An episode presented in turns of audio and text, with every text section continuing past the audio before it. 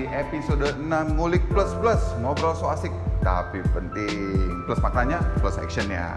Nah, kali ini kita akan ngomongin sesuatu yang sebenarnya udah lama banget pengen gue lakuin Yaitu menjadi seorang creative planner Apa itu menjadi seorang creative planner? Nah, kita udah kedatangan tamu nih yang sebenarnya udah nggak familiar Oke?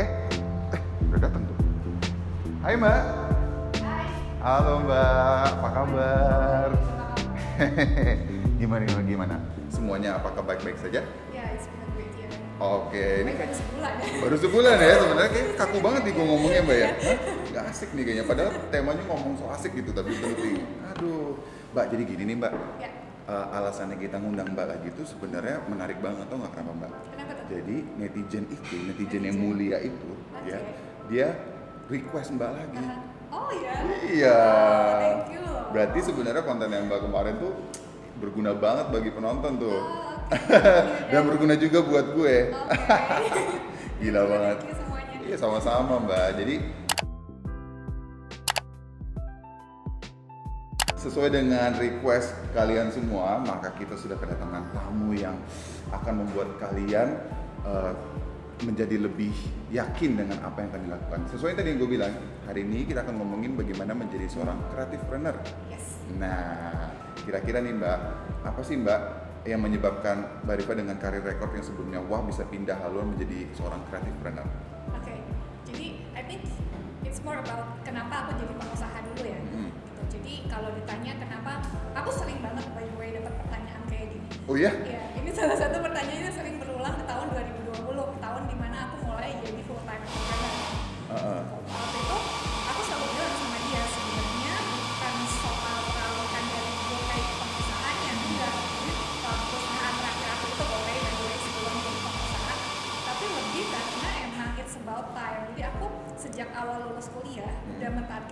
kerja jadi karyawan tuh cuma 10 tahun aja gitu. Wah, Dan- ini saya bisa bilang perempuan yang penuh dengan rencana ya kayaknya.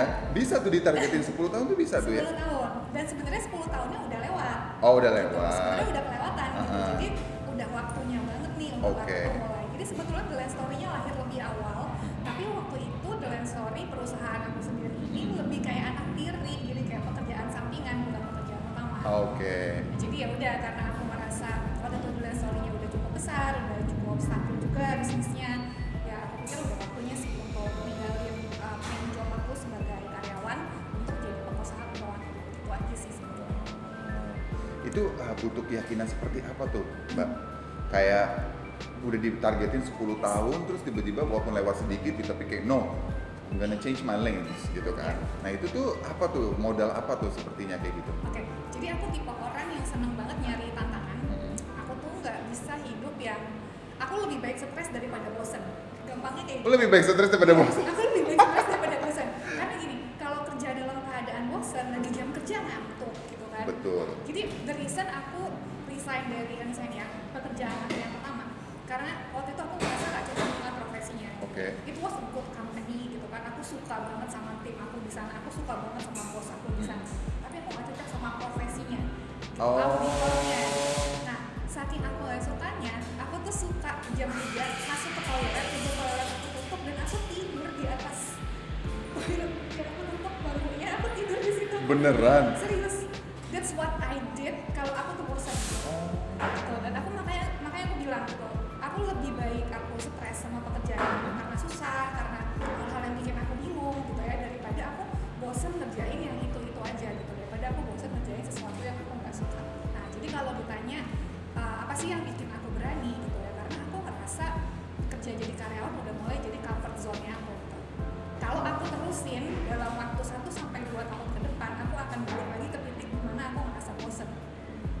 But it, it, it is a good choice dong berarti ya. Good Yes, decision, sorry, good decision. Oke. itu was a good decision Oke, berarti ini nyambung ke pertanyaan berikutnya. Berdasarkan pengalaman Mbak nih, Hmm. yang sudah pernah kerja kantoran dan Yes. pengusaha kreatif itu apa aja perbedaannya? Misalkan, Ah. apakah perbedaannya dari segi income kah? Hmm. Gitu. kalau dari segi income kita jadi karyawan juga kan bisa beda-beda ya Iya. tergantung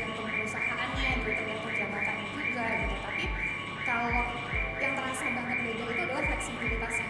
Jadi kalau kita sebagai pengusaha kita tuh bisa nentuin prioritas kita nih. Hmm. Kapan kita harus ngebut kapan kita bisa slow down hmm. kapan mau istirahat dulu kapan ambisius ngejar ah, Wah nih mbak, uh, sambil ngobrol kita bisa minum kopi dari okay. kopi 5 detik. Terima kasih. Mas. Jadi nanti kalau aus bisa minum aja mbak. Silakan mbak. Saya agak aus sebenarnya dengerinnya Karena kayak langsung tertarik gitu, ini kayaknya sesuatu yang menarik gitu bener-bener. Oke lanjut lanjut. Ini sebenarnya fleksibilitas. Iya, fleksibilitas. Ya. Jadi itu sih yang terasa banget tuh itu gitu. Jadi kayak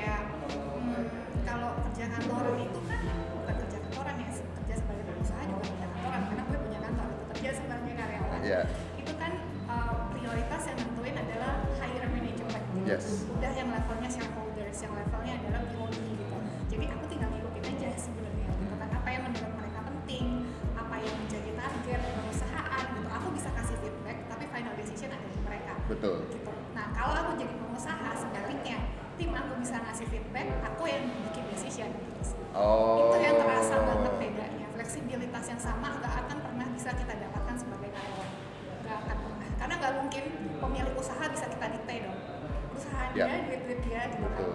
Berarti itu sebenarnya masuk ke ke eh, salah satu yang aku juga pengen tanya ke ke ngomongan obrolan masalah suasana kerja jadi kehidupan sosial dan akhirnya itu ngaruh ke masalah juga decision yang Hmm, berubah gitu kan. betul. Akhirnya itu juga eh, mengaruh ke ke mana-mana sepertinya gitu kan. Kalau kita Dari menjadi itu impactnya ke mana? impactnya banyak banget betul iya sih memang iya sih karena kadang-kadang aku juga lagi bikin uh, product production house juga kan jadi makanya ngerti sekarang rasanya oh Ya.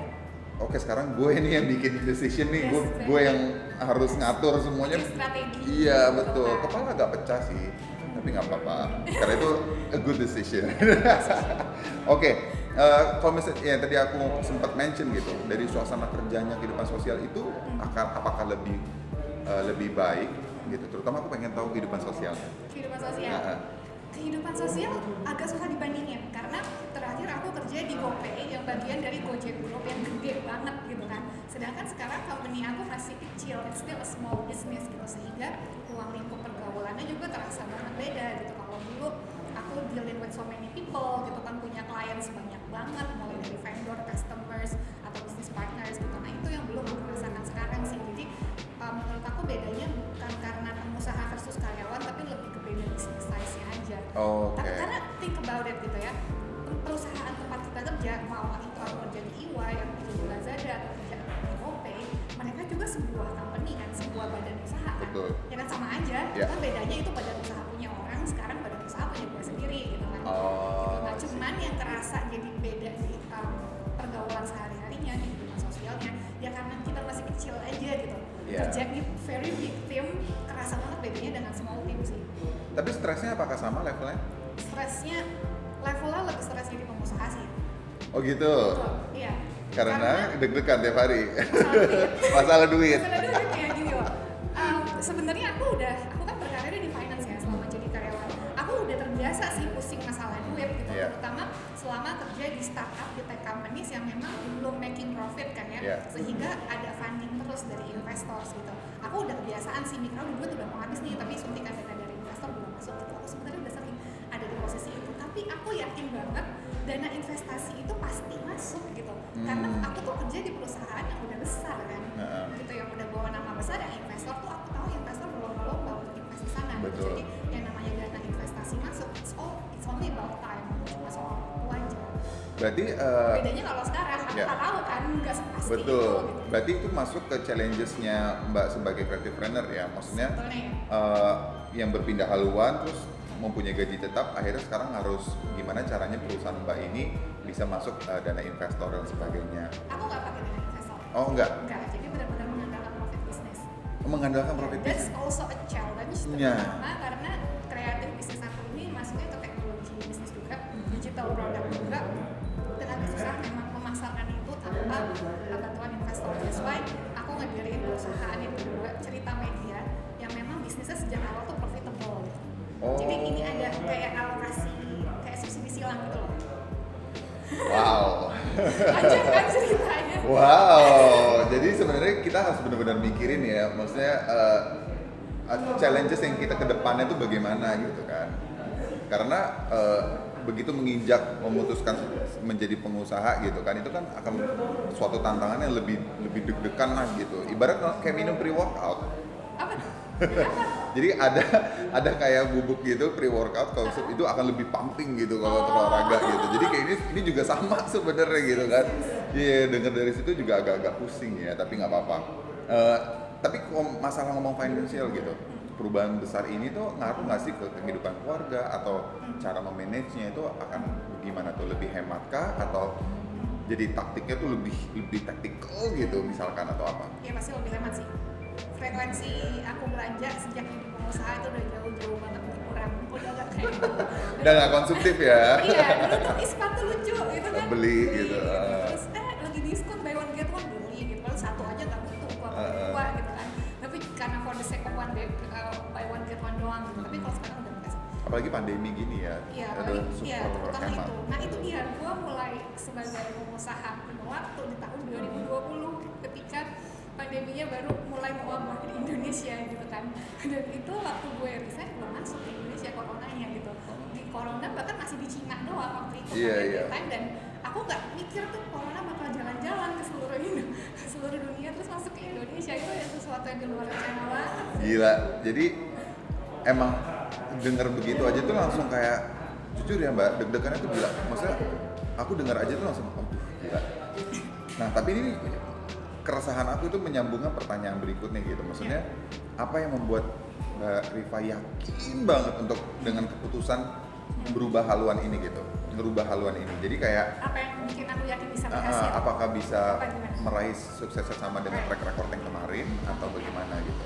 Oke, aku merasa yakin gini ya. Sebenarnya kalau aku ngomong aku ada rasa takut atau enggak, pasti ada. Gitu kan itu hal yang sama yang aku rasakan um, 12 tahun yang lalu sebelum mulai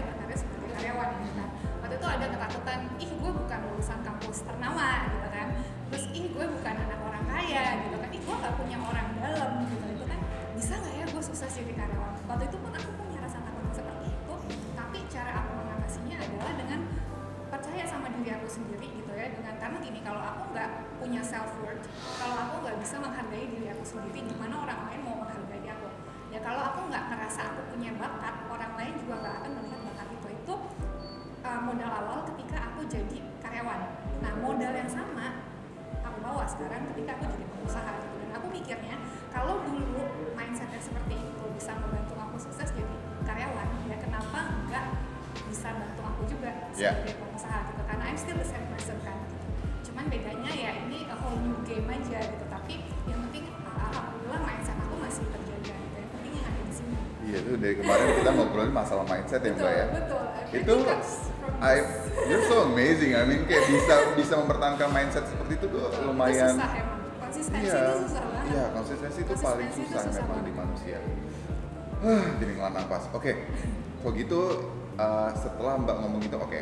Berarti kalau Mbak orangnya sudah siap dan segalanya dan udah sudah konsistensi dan sebagainya, menurut Mbak selain dari diri Mbak gitu, untuk ke orang-orang general banyak termasuk uh, uh, gue, uh, menurut Mbak tuh apa sih yang harus dipersiapkan untuk ngerubah haluan dari seorang pegawai menjadi seorang pengusaha, terutama di bidang kreatif? Oke, um, jadi ini general question and specific question. Iya. Kalau in general, kalau pengen jadi pengusaha, Eh, Mbak, sorry sorry, tunggu. Jawabannya kita hold dulu ya Oh, sampai ke part tuh? 2